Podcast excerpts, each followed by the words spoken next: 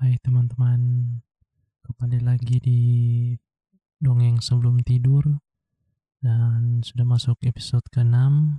Ya, semoga video-video yang saya bawakan ini bisa membuat enjoy kalian, bisa membuat kalian nyaman dalam tidur kalian. Oke. Kita langsung masuk ke dongeng pertama yang berjudul Nyamuk pertama. Pada zaman dahulu, hiduplah seorang petani sederhana bersama istrinya yang cantik. Petani itu selalu bekerja keras, tetapi istrinya hanya bersolek dan tidak memperdulikan rumah tangganya. Mereka tinggal di rumah yang sangat sederhana dan hidup dari hasil pertanian sebagaimana layaknya keluarga petani. Sang istri yang cantik itu tidak puas dengan keadaan mereka. Dia merasa sudah selayaknya jika suaminya berpenghasilan lebih besar supaya dia bisa merawat kecantikannya untuk memenuhi tuntutan istrinya. Petani itu bekerja lebih keras, namun sekeras apa pun kerja si petani, dia tak mampu memenuhi tuntutan istrinya. Selain minta dibelikan obat-obatan yang dapat menjaga kecantikannya, istrinya juga suka minta dibelikan pakaian yang bagus-bagus yang tentunya sangat mahal. Bagaimana bisa kelihatan cantik kalau berpakaian buruk? kata sang istri. Karena hanya sibuk mengurusi penampilan, istri yang cantik itu tidak memperhatikan kesehatannya. Ia jatuh sakit. Sakitnya semakin parah hingga akhirnya meninggal dunia. Suaminya begitu sedih. Sepanjang hari, dia menangisi istrinya yang kini terbujur tanpa daya. Karena tak ingin kehilangan, petani itu tak mau mengubur tubuh istrinya yang amat dicintainya itu. Dia ingin menghidupkan kembali istrinya. Esok harinya, suami yang malang itu menjual semua miliknya dan membeli sebuah sampan. Dengan sampan itu, ia membawa jasad istrinya menyusuri sungai menuju tempat yang diyakini sebagai persemayaman para dewa. Dewa tentu mau menghidupkan kembali istriku.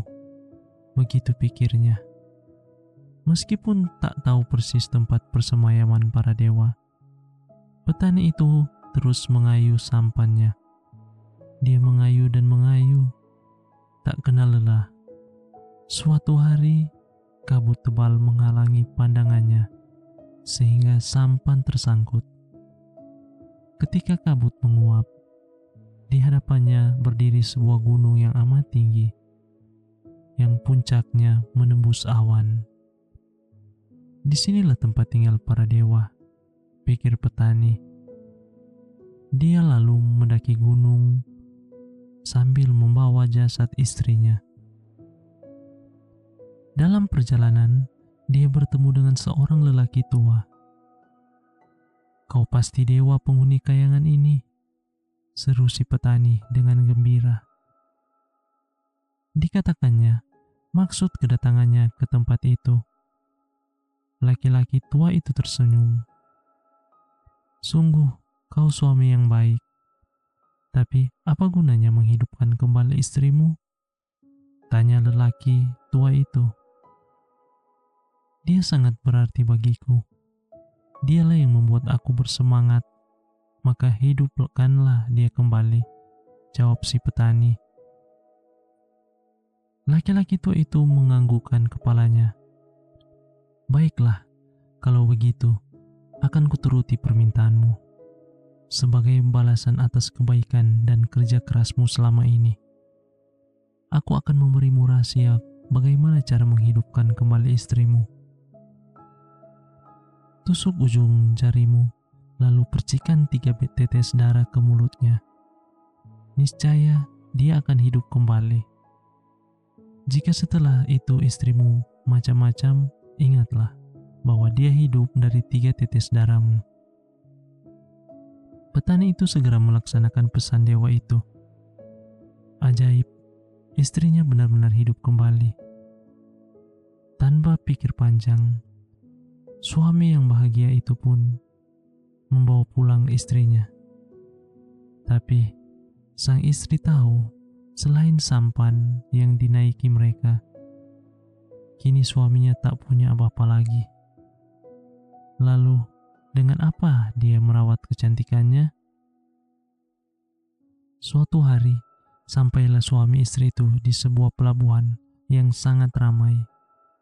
Petani turun dari sampan dan pergi ke pasar untuk membeli bekal perjalanan dan meninggalkan istrinya sendirian di sampan. Kebetulan di sebelah sampan mereka bersandar sebuah perahu yang sangat indah milik seorang saudagar kaya yang sedang singgah di tempat itu.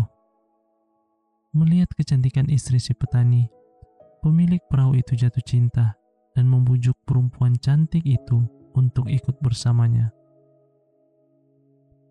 Kalau kau mau ikut denganku, akan kubelikan apa saja yang kau minta, kata sang saudagar. Sang istri petani tergoda. Dia lalu pergi dengan saudagar itu. Pulang dari pasar petani terkejut karena istrinya tak ada lagi di sampannya. Dia mencari ke sana kemari, tetapi sia-sia.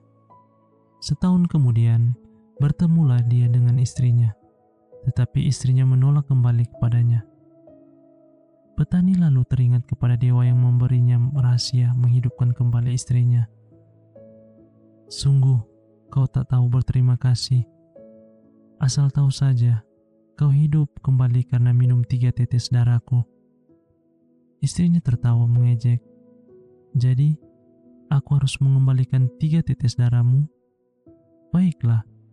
Sang istri pun menusuk salah satu jarinya dengan maksud memberi tiga tetes darahnya kepada suaminya.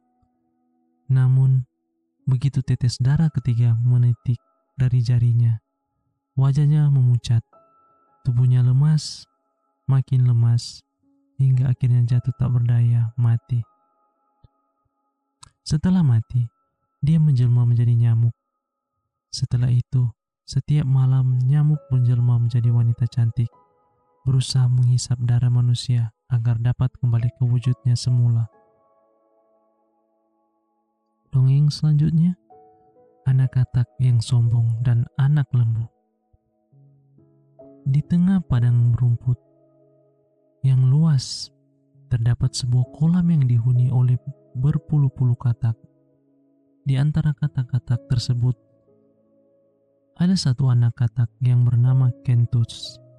Dia adalah anak katak yang paling besar dan kuat. Karena kelebihannya itu, Kentus menjadi sangat sombong.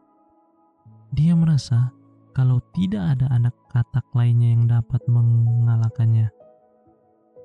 Sebenarnya, kakak Kentus sudah sering menasihati agar Kentus tidak bersikap sombong pada teman-temannya. Tetapi nasihat kakaknya tersebut tidak pernah dihiraukannya. Hal ini yang menyebabkan teman-temannya mulai menghindarinya, sehingga Kentus tidak mempunyai teman bermain lagi. Pada suatu hari, Kentus berlatih melompat di padang rumput. Ketika itu, ada seekor anak lembu yang sedang bermain di situ. Sesekali anak lembu itu mendekati ibunya untuk menyedot susu.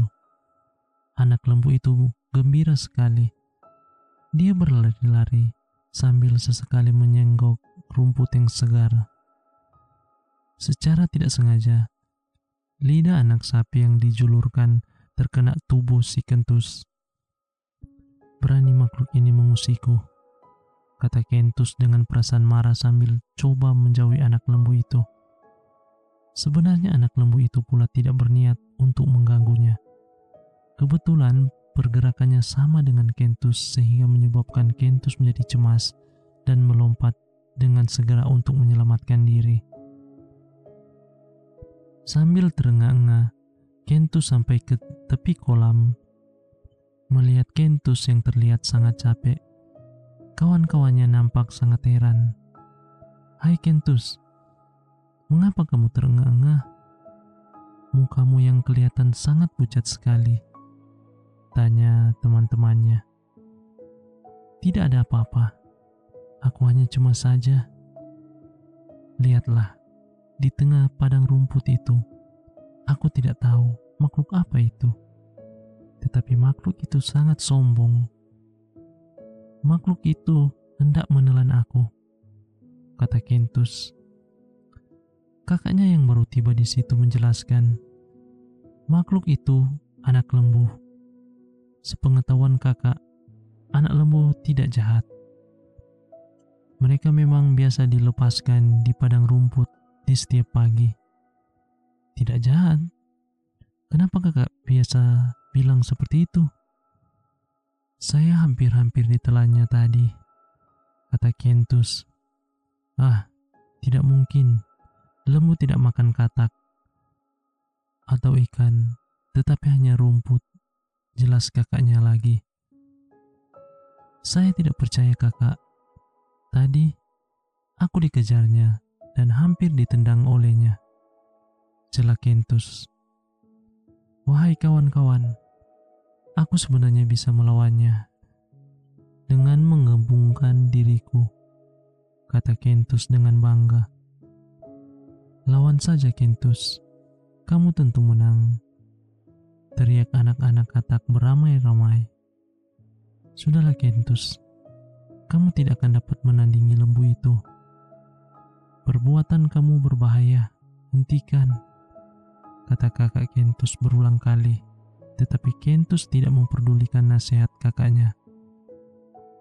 Kentus terus mengembungkan diri karena dorongan dari teman-temannya.